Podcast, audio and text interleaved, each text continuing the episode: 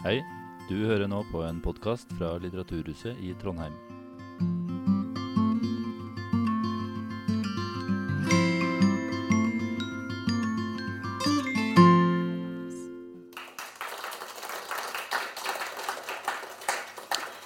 Eh, takk. Hjertelig velkommen til deg, Monica Isaksuen.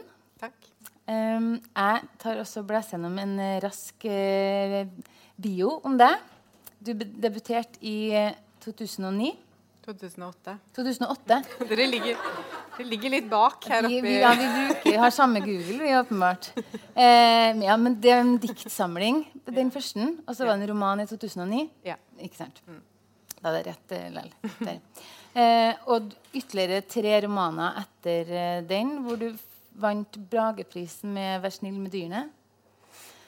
Og så har, er du lyriker og dramatiker og har eh, en, eh, gitt ut et teaterstykke som heter 'Se på meg når jeg snakker til deg', som ble oppført på Rogaland Teater i slutten av 2019, og skal nå også opp i København i år.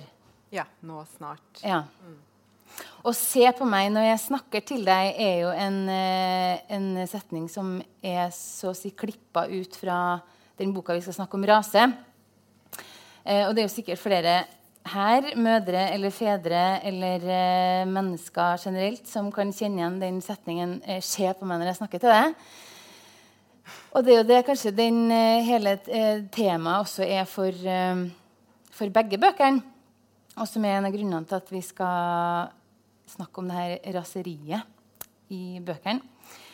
Det som jeg la merke til når jeg leste boka her, var at på starten Epigraf, som dette er en slags sånn portåpner. er At du har et sitat fra Rousseau, en fransk-sveitsisk eh, filosof som ga ut en bok som heter 'Emil', eller 'Om oppdragelse', i midten av, eh, midten, slutten av 1700-tallet. Og det sitatet lyder sånn her. Hvor mye ømhet og omsorg må hun ikke vise for å bevare fellesskapets bånd i hele sin familie?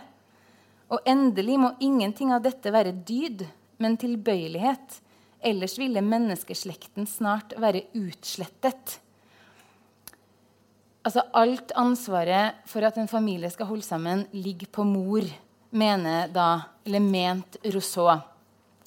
Så har jeg da lest at på det tidspunktet her så skrev brødrene Grim, Hans og Grete, men at opprinnelig var en mor som satte ut Hans og Grete ut i skogen.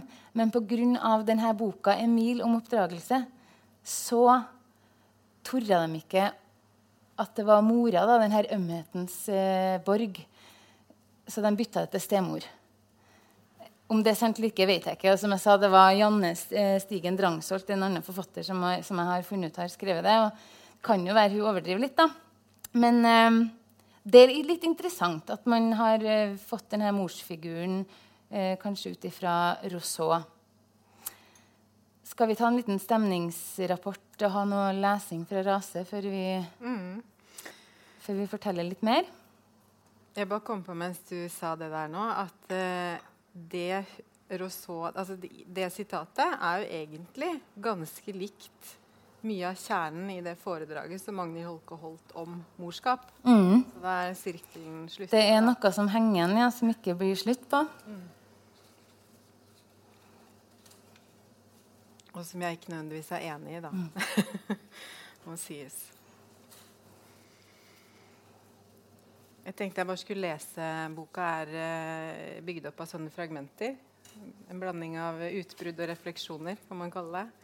Ehm, så jeg tenkte jeg skulle lese noen utbrudd og refleksjoner for dere. Uh, sånn at dere får en liten smakebit. Det er så enkelt å si til seg selv når man våkner. I dag skal jeg ikke røyke, ikke banne, bevege meg mer grasiøst. Ikke spise sukker og ikke fett heller. I dag skal jeg være smilende. Putte druer i matbuksene. Hilse på fremmede, gi så det svir. I dag skal jeg jobbe konsentrert og være en hyggelig kjæreste. En ordentlig person som rydder i skapene, støvsuger, betaler regninger. Et omsorgsfullt menneske som tar ett og ett barn på fanget etter middagen og spør om dagen. Hvordan har den vært? Hva har du gjort? Hvem lekte du med? Hvor gikk dere?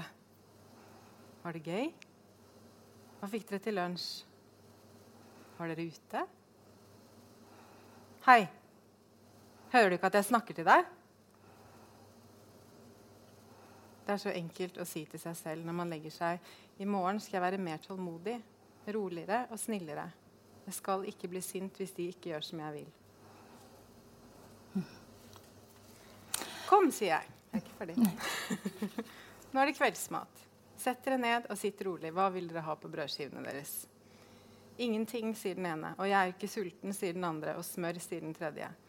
Alle skal spise, og alle må ha pålegg, sier jeg. En, to, tre. Hva skal dere ha? Brunost, gulost, leverpostei, fisk, syltetøy, saltpølse, smør, sier de i munnen på hverandre.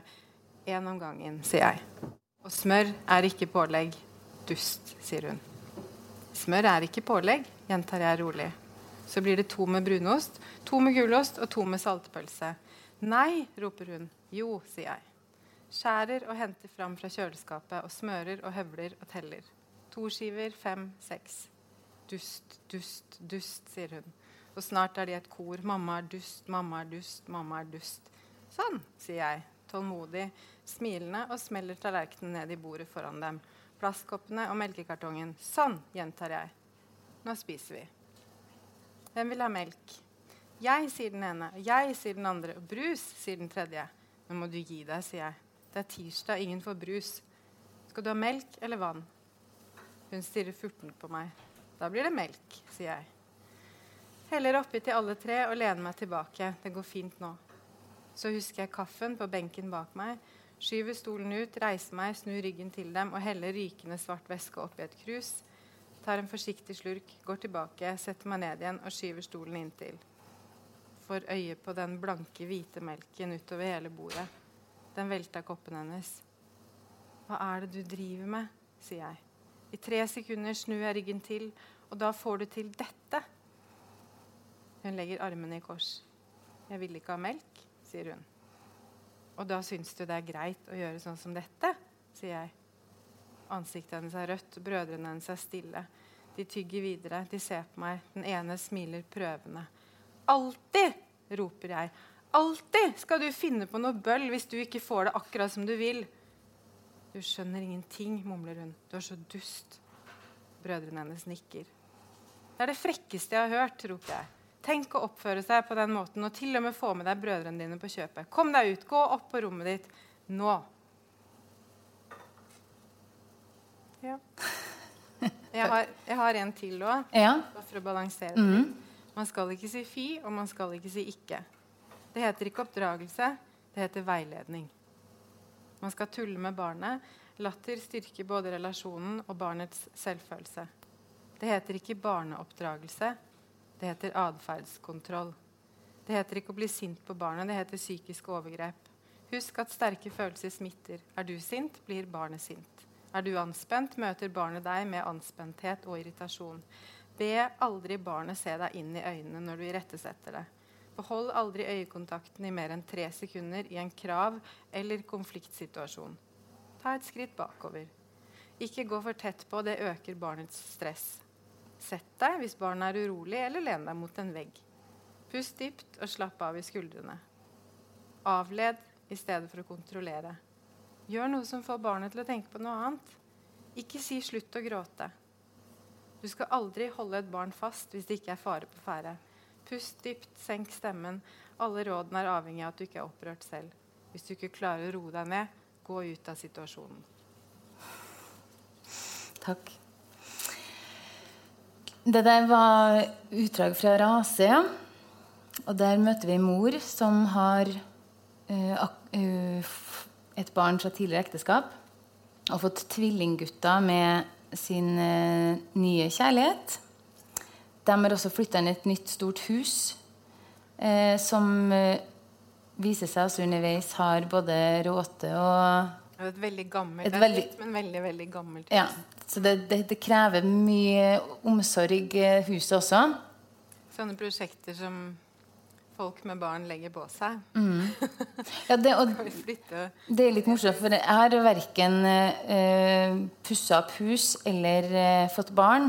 Men eh, samtidig så er det også som at jeg føler at jeg har en sånn eh, klokhet med at eh, å pusse opp når du har småbarn, det skal du ikke gjøre. Som om jeg har den eh, erfaringa som jeg kan dele videre. Men det er jo en sånn ting man bare sier. Men det gjør jo dem. om de ikke pusser opp, så er det i hvert fall et hus de skal passe på. Og mannen, som hennes nye mann, har, eh, er gartner. Så det er mange fine beskrivelser av hvordan mannen driver og jobber med hendene sine og jobber med huset. Og han har i tillegg også et ganske annet lynne enn enn mora. I hvert fall hun oppf oppfatter det sånn, eller hun føler det sånn at, eh, at han har det. Og det setter jo nesten mer fyr på det her sinnet da, som vi har fått hørt litt gjennom de opplesningene.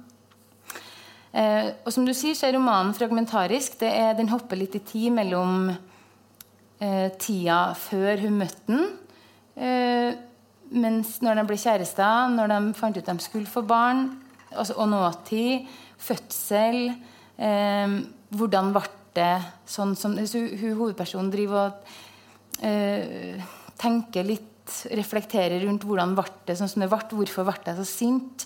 Eh, har jeg alltid vært sånn? Eh, og så kommer jeg inn på de tankene som jeg ser for meg man aldri vil tenke. Det, eh, skulle jeg egentlig hatt barn, eller skulle jeg bare hatt ett? Eller, så hun, ja, hun, hun, hun, man kommer veldig sånn brutalt nært da, på denne uh, mora. Og når jeg leste den eh, for første gang her nå, så det, det er såpass hardt sinne og raseri at jeg måtte ta pauser underveis. Fordi jeg ble så frustrert over at hun var så sint. Og, og jeg, jeg oppfatta hun som veldig eh, Det skrev jeg jo til deg i en e-post òg. Veldig sjølsentrert og slem, tror jeg også har brukt.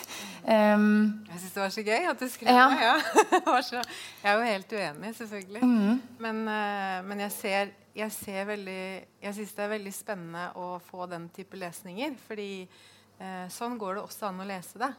Uh, dette er jo ikke en bok som det som, altså, at, Hva jeg har ment når jeg har skrevet det, det er jo egentlig dere syns jo tydeligvis det er interessant å høre det. Men det, er, det, er, jo egentlig ikke så interessant hva forfatteren har tenkt. Når boka er der, og det er opp til enhver å måte, eh, kjenne seg igjen eller ikke kjenne seg igjen, eller moralisere eller ikke mm. moralisere over det. ikke sant? Men uh, så da, da, jeg skrev ja, spennende at du, du opplever henne som, som selvopptatt og, og, slem. fordi det, det, det tror jeg det går an å gjøre. Um, og så sa du selv da også at du ikke har barn, og at du uh, selv mente at du også tilhørte da de som, som, som, mener, eller som tenker at hvordan man skal være når man får barn.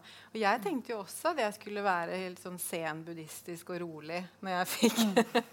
fikk uh, uh, barn. Og så eh, og så er det interessant da, og plutselig For dette er jo både i rase og i Vær snill med dyrene. Kanskje enda mer i Vær snill med dyrene. Så er det jo også et sånn kor av stemmer bakover i slekten. Altså mor, mormor, eh, mødre, fedre også, for den saks skyld. Men et sted har man jo kanskje lært å være seg forelder også. Eller lært å være forelder. Eh, og det som er så spennende Eh, jeg syns jo sinne er veldig spennende. Det som er spennende med det, er at da er man litt ute av kontroll. Og da kan det komme stemmer som man ikke skjønner hvor kommer fra. Eh, og ord man kjenner igjen, som kanskje noen har sagt til deg. altså det, Dette uttrykket 'se på meg når jeg snakker til deg'. Mm. Eh, hvis man har blitt sagt det til, så tror jeg det også dukker opp altså, Det dukker opp ting i kroppen når man blir forelder som man ikke ante at var der. Mm. Eh, og som man ikke har kontroll over. Og så gjelder det jo å prøve å liksom få kontroll på en eller annen måte likevel. Men jeg syns det der er uh, uhyre fascinerende, da. Også, og, og, som du sier, om jeg-fortelleren også bekymrer seg over, er jo nettopp det om det er visse setninger som man har sagt, eller øh, krangler man har gått gjennom, eller ting man har gjort med barna som har liksom skada dem for godt, nesten fordi at man eh, har vært så sint. Har jeg, har jeg har jeg ødelagt hele sinnet til barnet nå, eller vil det ta det med seg videre? Har vi lært Er vi så sint fordi våre foreldre har vært der? Altså, hun, hun grubler jo gjennom masse forskjellig. Og, og som eh, det der med å være uh, At jeg kanskje ikke var At ikke jeg har um, At det nesten som at når, hvis man føder, så kanskje føder man på seg liksom muligheten til at det ligger et sånt latent raseri i seg. Da. Fordi jeg måtte jo spørre mine venner om er det virkelig så mye sinne i en mor, eller er det bare veldig spesielt for denne karakteren? Er det liksom blest opp? Det, eller bør jeg være bekymra for, for denne karakteren? Og så var det liksom et, alle sammen mente at nei, jeg kjenner meg sånn igjen. Og jeg gikk gjennom Goodreads og Bokelskere, alle sånne nettsider, og der er det jo gjennomgående gjenkjennelse eh, fra boka. Er det nesten sånn at man Bør man være Ja da. Eller? Og gjenkjennelse er jo altså veldig mange man, man liker jo å si at, uh, at det er fint. ikke sant? Det er, gjenkjennelse er jo noe vi har blitt nesten satt som et kriterium for litteratur for tiden. Eh, jeg syns det er spennende. Jeg prøver å trekke den et skritt lenger også. Det er noen scener hvor, hvor jeg tenker at eh, eh, Får jeg med meg leseren på dette? Liksom? Jeg, altså, jeg tenker ikke så bevisst når jeg skriver det, da. Men uh, er dette det er scener her uh, som jeg tenker at er overskridelse for noen, og ikke for andre. Uh, og noen vil jo si at det er et overgrep å snakke høyt til barnet sitt. Andre uh, syns at grensen går lenger ut. Så det, det er også interessant hvordan man på en måte uh, ja, hva, Enten hva slags idealer man har, eller hva slags personlighet man har som forelder. Da. Eller som menneske. Um, men uh, det å prøve jeg synes, Jeg lærte veldig mye av å skrive den boken her. Fordi utbruddene er veldig gøy å skrive. Det er veldig veldig gøy å skrive sinte tekster. Uh, og så var det vanskeligere å skrive de reflekterende, og de måtte til. På et eller annet tidspunkt så sa redaktøren min at hvis hun skal klikke hver gang hun kommer inn i et rom, så blir det vanskelig å føle med henne. Det blir vanskelig å få, altså, føle noe empati med henne. da. Eh, og det trengs når man leser en sånn klaustrofobisk jeg-roman. da. Ehm, men det jeg lærte da når jeg skrev eh, disse sinneutbrudd, altså de sinnetekstene, er jo at når man er sint, så tenker man ikke. Man er ikke smart, man er ikke etterpåklok. Man er der og da. Man har ikke kontroll. Hun sier flere steder i boken at 'jeg er så redd for hendene mine'. Og det er jo en sånn ja, altså Man tuller jo med at man kan få lyst til å kaste ungene sine ut av vinduet, men man gjør jo ikke det. Men du kan den følelsen av at nå, altså, nå har jeg ikke kontroll på meg selv, som hun har, da, det er det som jeg syns er spennende å utforske. Og hvor jeg liksom prøver å presse så langt jeg kan innenfor det som er greit. Idet hun hadde bikka over og slått ungen sin i ansiktet, så syns ikke jeg det er interessant lenger. For da handler det om noe annet. Men den derre eh, tynne, røde linje, eller hva man skal kalle det, den syns jeg er veldig fascinerende. Å klare å liksom jeg mener at jeg holder meg oppå. Eh, kanskje bikker over noen steder. Men, men det, er, det, er, det jeg prøver å holde igjen. da, Eller holde leseren på. Ja. For du sier hun er veldig, hun er veldig Det er ganske mye raseri i eh, sånne scener som ja, frokost, eller ta på klær, eller eh, eh, De får noen katter, og så er ikke ungene helt fornøyd med fargen på katta. Så blir mora sint fordi at ungen ikke er fornøyd nok. Altså det, eh, men det er også veldig mye humor i boka også. Eh, og så tenker jeg jo på Det som jeg, det som jeg synes var veldig interessant med boka, eh, for min egen del òg, er jo at jeg har først en idé om at jeg synes at hun er selvsentrert og slem. Og så får jeg en e-post tilbake hvor det var liksom Oi, så artig at du syns det. det. Det hadde ikke jeg tenkt. Eller så begynner jeg å gå i meg sjøl. Hm, hvorfor synes jeg at hun er så selvsentrert? Um, for hun har jo en mann også som hun bor med, som til og med har muligheten til å spørre om jeg-personen kan passe på surdeigen hans, som er et prosjekt han har på sida. Han også har da tre barn hjem til seg. Og jeg har prøvd å ha surdeig, og det er ganske mye mating av surdeig òg, liksom. Så kan det hende at hvis man ikke er selvsentrert, så tenker man kanskje mer på at jeg burde tenkt mer på meg sjøl, mens den her mannen med surdeigen, han er jo kanskje den som er selvsentrert. Da. Men han er jo bare litt sånn Men hun dreper jo den surdeigen. Hun klarer jo ikke å ta vare på den. Nei, det kan jeg jo forstå. på en måte, At en stopper for det prosjektet der. Jeg har liksom tre barn hun skal mate mat i tillegg, som ikke vet hvem de vil ha på brødskiva. Aldri ser jo den eh, Ja. For det det er litt sånn humorting som er med, eh, som gjør at det ikke bare er en tung eh, kranglebok. da. Den har noen artige Ja, altså jeg grua meg jo Jeg syns jo det var eh, Jeg grua meg da den skulle ut fordi jeg var redd for um, om den bare var sint, om, på en måte, om noen ville orke, om noen ville klare å lese den. Og om noen ville skjønne at jeg var morsom. Mm. um, og det skjønte folk heldigvis. Um, den har jo kommet ut i Danmark også, og der var det til og med altså Der var det var det en avis som bare slaktet den fullstendig og syntes at den var for morsom. Det syns jeg var litt interessant. For de, var, ja. de, synes, de trodde ikke noe på Syntes det, liksom, at det var for morsomt, da. Uh, det tror jeg jo ikke det er. Uh, men uh, det, den balansen, da, i hvert fall mellom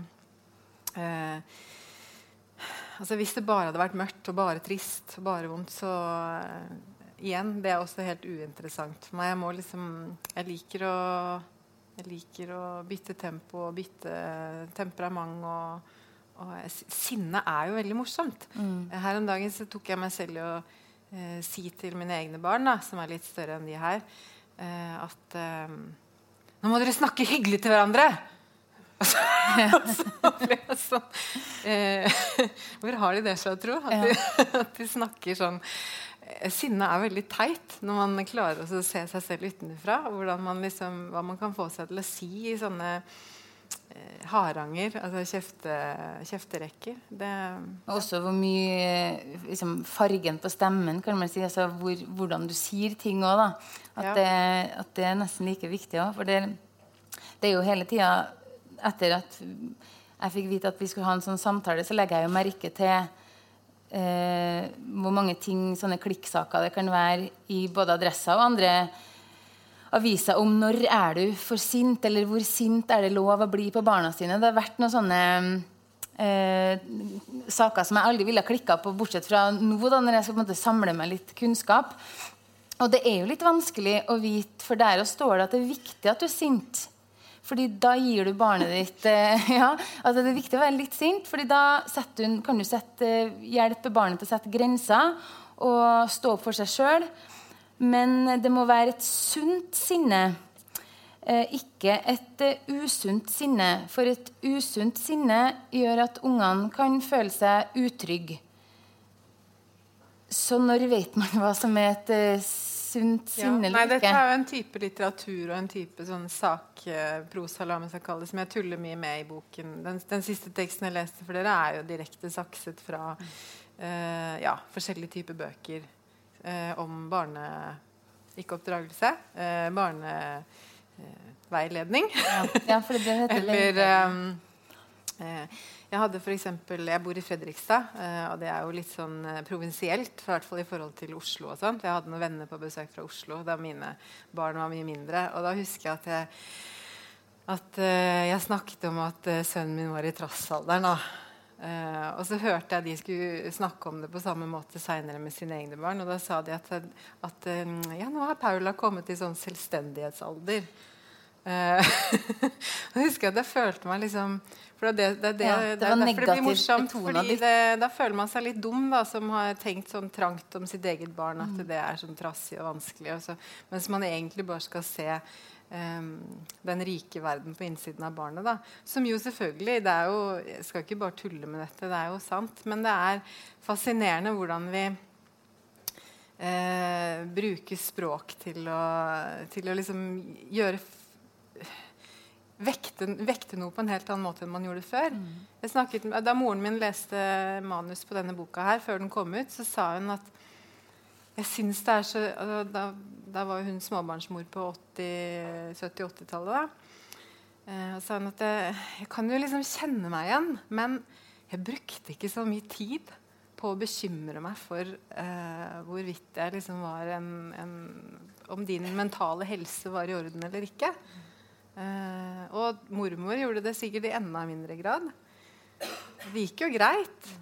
Men eh, vi plager oss selv, da. Uh, ja, for det er nesten som at det finnes Nesten som en diett. At liksom går det på det, Er det denne barneoppdragelsen du velger? Ja, ut fra en måte også, den? Man har, så, man har altfor mye språk om det, da, tenker mm. jeg. Og det språket og det syns jeg er spennende. Jeg gjør det i Vær snill med dyr nå, hvor det er et sånt konstruktivt omsorgsspråk i kjølvannet av liksom barnefordeling og skilsmisse og sånn. At hvis vi gjør språket lystbetont, så skal alt det andre bli så lett. Men det er jo ikke sånn. Nei. Vi er jo ikke, Menneskene er jo ikke annerledes inni seg av den grunn. Uh, så det er det gapet der da, som, uh, som jeg prøver å skrive noe om. Mm. Jeg får si med, med, med, språk også, det der, eh, I samme artikkelen så, uh, så sto det også 'Når bør man søke hjelp?' da, fordi at jeg tenker jeg er helt sikker på at, at de fleste som leser Rase og kjenner seg igjen, kjenner seg igjen på den frustrasjonen og den søkende 'Gjør jeg riktig nå?' eller 'Oi, ble det der feil?' Altså, og har den litt um, avslappa holdninga til er det her det sunne sinnet eller er det usunne sinnet. Um, men så sto det også at uh, hvis man blir fylt med dårlig samvittighet hver eneste gang uh, når du har gjort noe som egentlig var bare å oppføre deg som et ansvarlig voksen, da bør du søke veiledning. Og det også tror jeg litt sånn Hvor lett er det egentlig for en, et, en forelder å si tidlig å si sånn Nei, du, det her fikk jeg ikke til. Jeg tror jeg trenger hjelp. Da er det kanskje lettere sånn Vi trenger veiledning. Men det der er jo etter jeg hadde lest noen sånne artikler, så følte jo jeg meg som en ekspert på barneoppdragelse. Så det er jo lett hvor man bare blir sugd inn i den her, um, i her, den merkelige, merkelige verdenen. Jeg tenker at nå er vi kanskje litt klar for en bitte liten pause. Eh, hvor dere kan få kjøpt dere litt eh, eh, drikke. Og så kan dere tenke om det er noen spørsmål dere vil stille helt på slutten. Så tar vi en runde hvor vi da presenterer litt Magnhild Holke etterpå. Hm?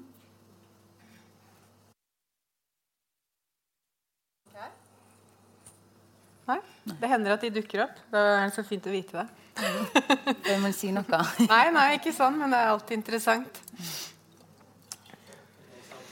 Da tenker jeg at vi eh, begynner å eh, bli ferdig med pause. Går rolig over til eh, del to. Magnhild Holke. Som Torunn her sa, så var Magnhild Holke 50 år da hun debuterte. Eller sa du det? nei, da sier jeg det nå. Hun var 50 år da hun debuterte i 1935. Det er 85 år siden. Og hun var fra Vikna i Nord-Trøndelag. Nord gamle Nord-Trøndelag. Og da hun ga ut denne Alice Sønn, så ble den utgitt på 17 språk. Mm. Og hun ble også anmeldt i The New York Times. 1935 vi snakker, så det er eh, Eller nå vet jeg ikke om det Jeg tipper at det var eh, stort, da. Og hun fikk også um, eh, Hun utga etter det 20 romaner. Og mottok eh, statens kunstnerlønn eh, etter noen, etter, ja, fra 1950 av. Og hun nevnes knapt i litteraturhistorien. Det er ganske eh, sprøtt. Hun jobba som lærer eh, før hun ble forfatter på heltid. Og hun var gift med Hjalmar Holke, som var en kunstmaler. Han har fått et, eh, ei gate på Nardo oppkalt etter seg. Um, så, så Men ikke hun? Ikke hun, nei. nei. Så det, kanskje det endrer seg nå, da. Eh, hun, også, hun, sa også til og med i en biografi der at eh, hun skrev, sin siste bok skrev hun da hun var 93. Og det var en eh, memoar som het 'Mot nytt liv'. Og der skrev hun at var det noe hun skulle ønske, eller sånt, var det at, eh, at de hadde skrøttet mer av en Hjalmar eller noe sånt. Og det er litt sånn Ja, ja, han fikk noen vei, da. Så da da, det, det var noe bra, da. Eh, de fikk ikke barn, eh, men likevel så er, mange av hennes bøker veldig opptatt av det her barneoppdragelse som du nevnte. Det der med at hun hadde nok kanskje et, et syn som ligna på det epigrafen du har av han Rousseau. da. Hun reiste rundt med et foredrag rett etter krigen. altså i 46-47, som, som, het vel Dette husker jeg egentlig, men eh, det het noe sånn om, om, om moderskapet, eller. Som handlet om hvordan hun, altså hun forsøkte å si noe oppbyggelig da, om måter å være altså, hvor viktig mor var som limet i familien, og at det var den viktigste oppgaven. Og det holdt ikke å bare ha kjærlighet. Så det er liksom noe av det samme som han eh, Rousseau mm. er inne på. Og hun er jo egentlig um, Uh, ja. Jeg er ikke sikker på om hun ville vært enig i min lesning av boka hennes heller. Nei, for det er jo en av grunnene altså Det er jo også i tillegg til at det er ganske mye likt tema, så har jo du også skrevet forordet til Alice sønn. Og det må jo være litt stas at, uh, å bli spurt om å skrive et forord. Mm. Det, er litt, det, er en litt, morsom uh, forhistorie til det her. fordi denne boka um, altså I 2016-2017 så ble uh, min mann, som er litteraturkritiker i Morgenbladet, Bernhard Ellefsen heter han han ble spurt om han kunne sammen med en annen litteraturviter gå gjennom noen sånne glemte, altså noen klassikere. Også, for de hadde en foredragsserie i biblioteket i Bergen. Og så dukket opp et, en tittel de, den øh, og en forfatter som hadde blitt anmeldt gang på gang på gang i utlandet. Og også alltid når hun kom med noe i Norge, særlig NRK, da, ble anmeldt. Men de hadde aldri hørt om henne før. Så de bestemte seg for å kikke på forfatterskapet hennes, og så startet de da med denne, som jo av de aller fleste som leser henne, sier at det er den beste. Debutromanen er liksom Der er det fullt kjør. det er skikkelig kraft. Eh, så ble hun kanskje litt mer sånn tydelig politisk etter hvert. da. Men så han da snakket jo mye om denne boka hjemme. Eh, og så Uh, og Jeg følte på en måte at jeg kanskje hadde lest den. Uh, og noen ganger så syns jeg at det blir så mye snakk om det at til slutt så gidder jeg ikke å lese den. Sånn at uh, Så de, de, dro rundt med et foredrag og snakket om henne, og skrev vel også om det i Morgenbladet. Så i fjor høst så fikk jeg en mail fra Aschehoug om jeg kunne tenke meg å skrive forord til den boka. Og da var jeg sånn Nå har du sendt til feil person. For det, dette skulle sikkert til han, eh, han, som har oppdaget boka her i huset. Men eh, så skjønte jeg det da når jeg leste den, hvorfor de spurte meg. Fordi jeg følte et enormt slektskap. Og det var riktig, det var meg de mente. da. Eh, jeg følte et enormt slektskap til om ikke forfatteren, eller, men i hvert fall stemningen i boken og den fortvilende altså den ensomheten som er i det sinnet da, som moren føler, og den avmakten eller ja, så det er jo en, det er virkelig et mesterverk. Altså. Den er helt fantastisk. Så du hadde ikke lest boka før du Jeg hadde ikke lest den. Nå har jeg lest den fem-seks mm. ganger. For jeg måtte liksom gå ordentlig inn i det. Og den er jo uh, Her er det ikke mye komikk. Uh, Magnhild Holke er ikke morsom. Uh, og dette er, dette er en, rett og slett en tragedie. Skikkelig tragedie.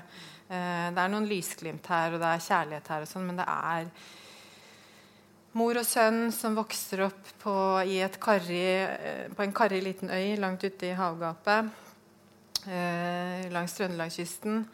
Eh, de er, far er på fiske i seks-sju år av gangen. Eh, ikke uvanlig på den tida.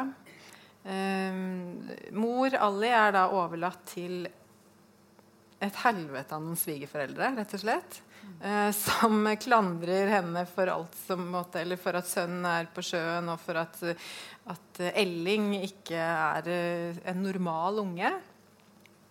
Eh, han er en fantasirik, kreativ unge som liker å dikte og rime og tøyse og tulle og se for seg ting i naturen. og har en veldig sånn, Han kalles en kunstnerspire. da.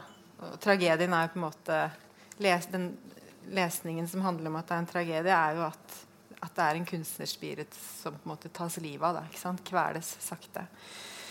Uh, men uh, jeg leste jo den Og det, det Magnhild Holke gjør, som er helt fantastisk, er at hun har perspektivet til begge.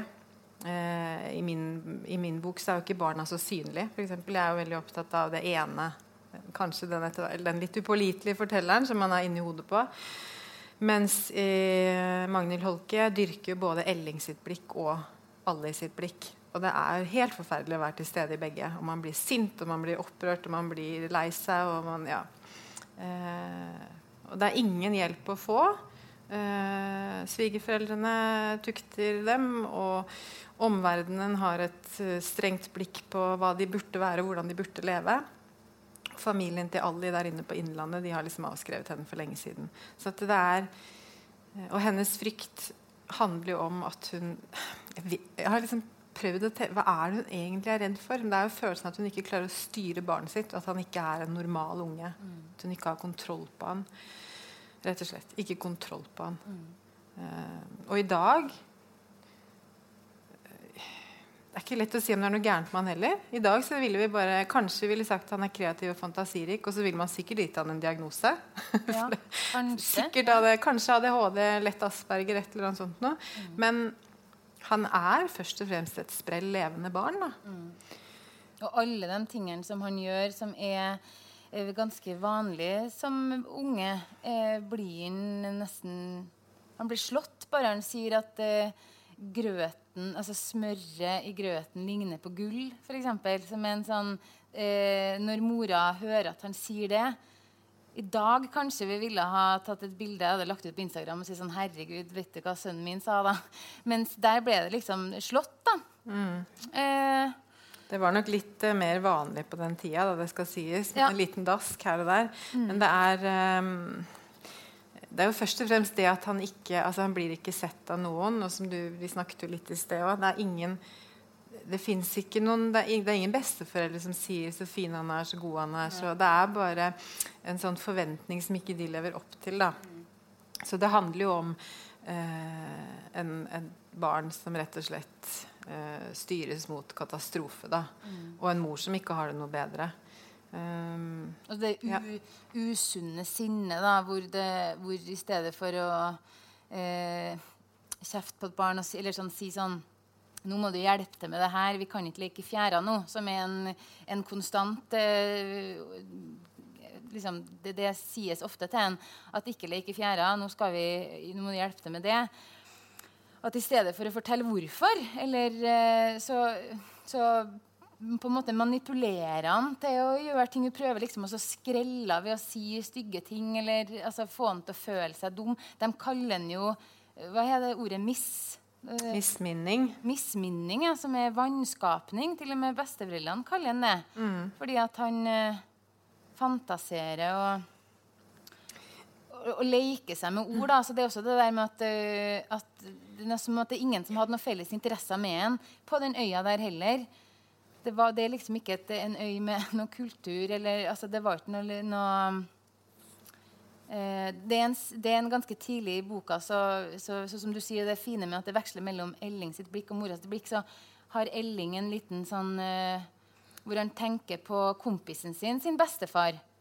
Eh, han har eh, han har smilerynker, sier han, for han legger merke til at farfaren sin har ikke sånne smilerynker som uh, morfaren til en, uh, Jakob.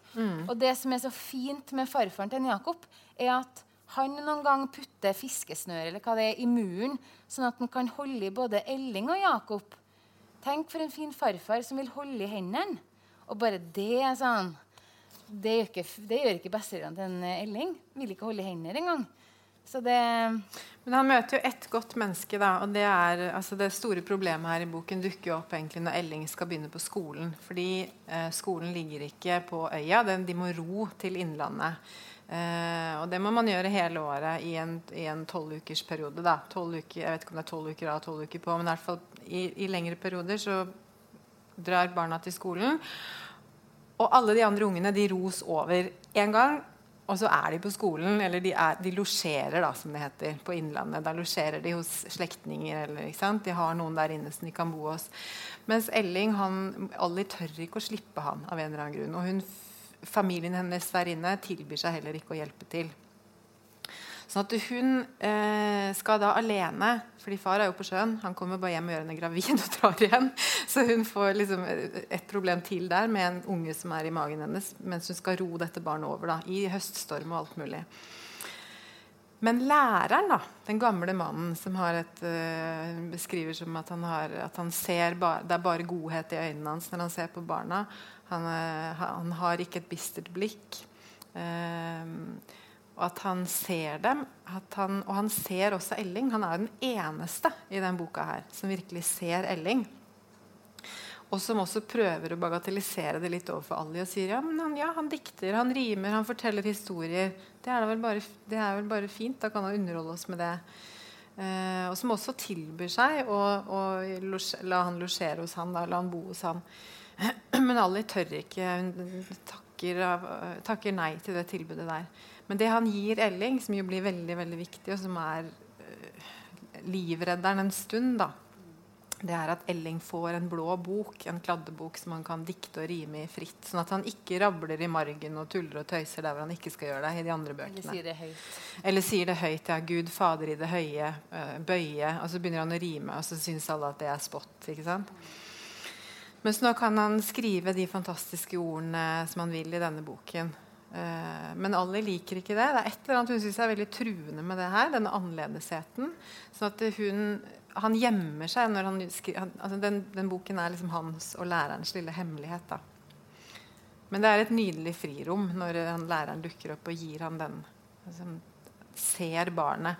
Og der tenker jeg jo, altså Magnhild Holke fikk ikke barn, som du sa, men hun var jo småskolelærer i mange år og bodde på sånne loft rundt omkring i, i Odalen og altså, både i, over store deler av landet, og også da her, selvfølgelig. Um, og hun hadde jo med mange barn å gjøre i alle aldre.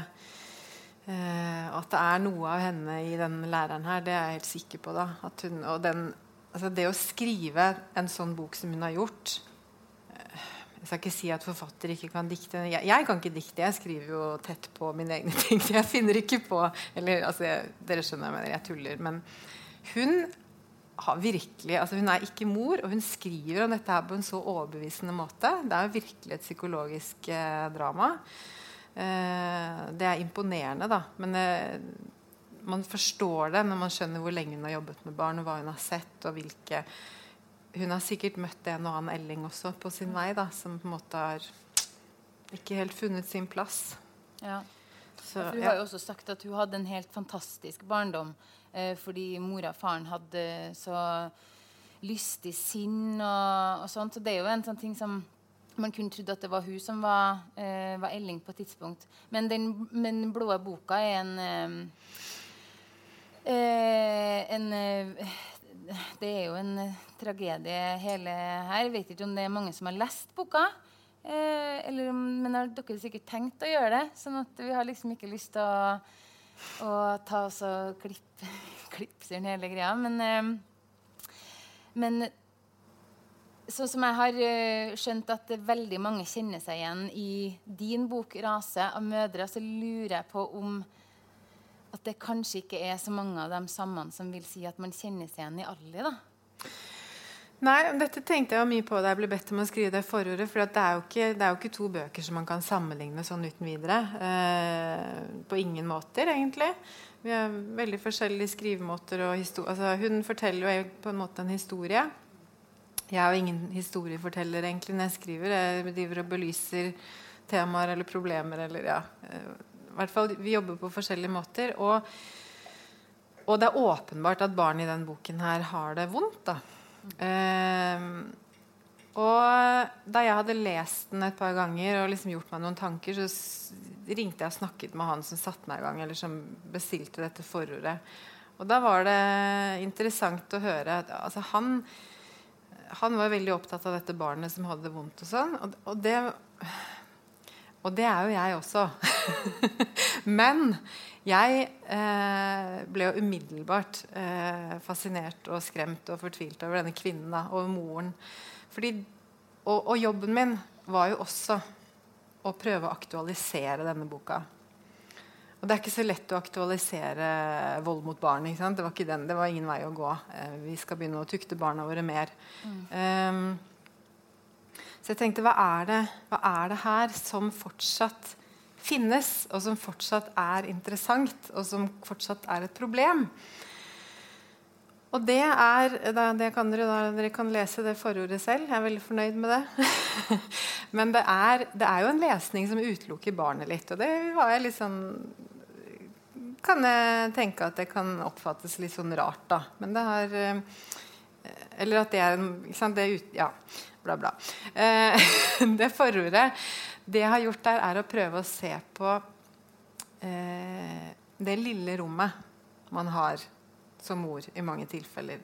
Eh, hvor streng man som kvinne kan være med andre mødres måter å være mor på. Eh, hvor godt man vet eh, hvordan en mor bør være, og hvordan en familie skal se ut, og hvordan et liv skal leves, uten at man vet noe som helst Um, det kan være ikke sant, om uh, Ta amming som et eksempel. Da. Først så lærer man at det er det eneste som funker. På sykehuset må liksom amme, amme, amme, amme. Og så på et eller annet tidspunkt så Hvis man ammer for lenge, da er man kvalm. Liksom. Da er man ekkel.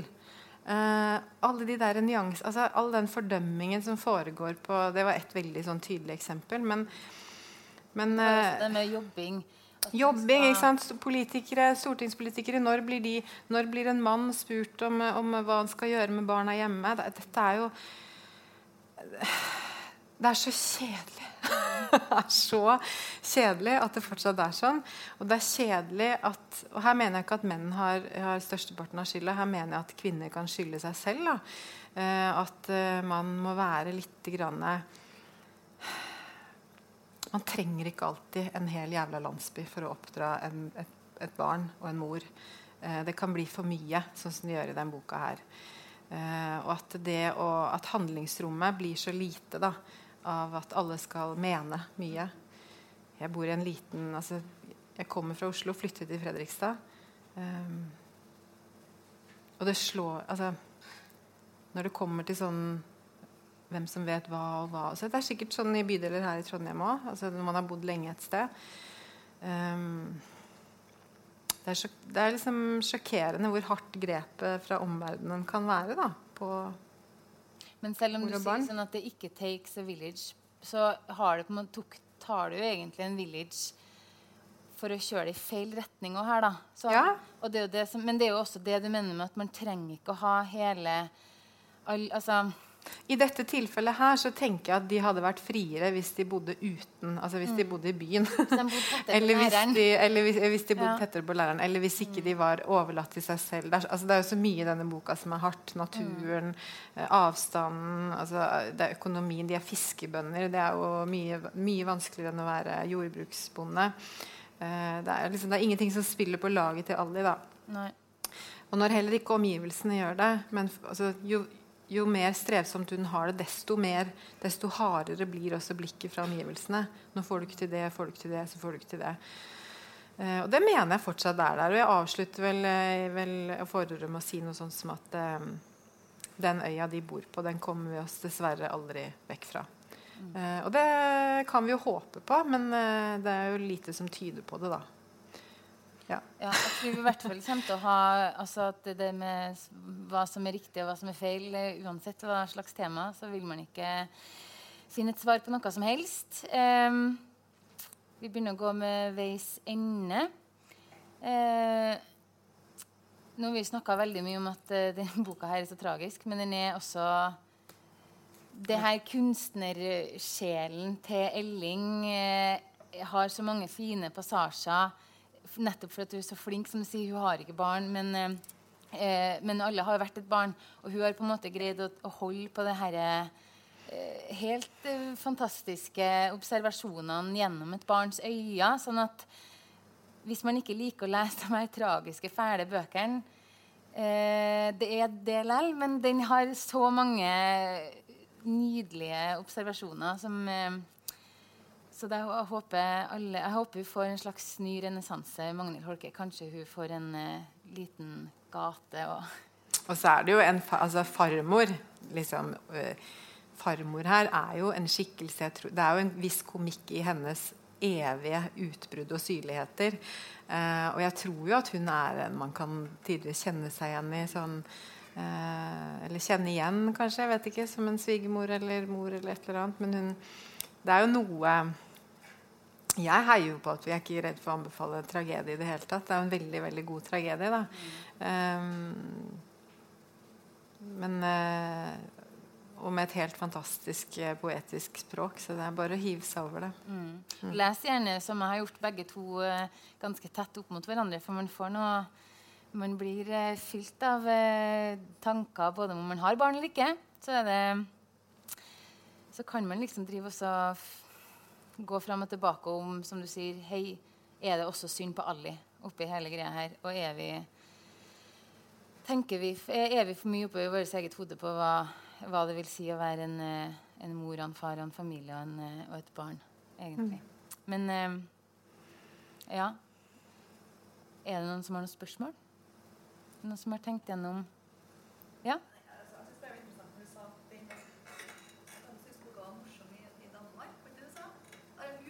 Ja, at, at boka 'Rase' ja, ble mm.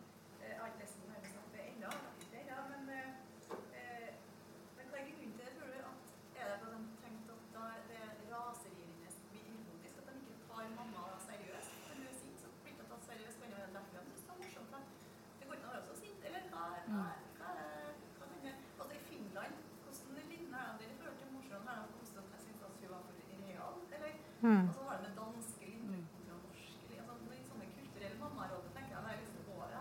Ja, Hva kan være grunnen til at Danmark syntes at rase var så for morsomt? Nei, det var jo ikke bare Det var jo ikke alle, selvfølgelig. Det var én, men jeg hang meg opp i det fordi det var Litt for det var irriterende, for det var en stor avis, da. Men, men eh, Nei, altså, jeg tror at eh, når man går inn i en bok, så kan man jo som leser tro på det eller ikke. Og han trodde ikke på det. Han ble ikke med på det sinnet. Eh, jeg skriver jo mye med store bokstaver her. altså Bokstavelig talt, når hun roper, så er det store bokstaver. Og det kan irritere kanskje noen, jeg vet ikke. Men eh, det med at det var for morsomt, det var en, var en ny vri på det for min del. Man ble ikke med på det da, rett og slett. Men jeg tror ikke at de er noe mindre ikke.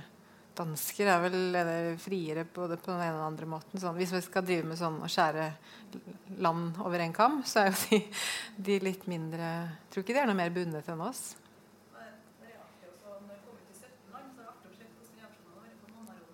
Ja.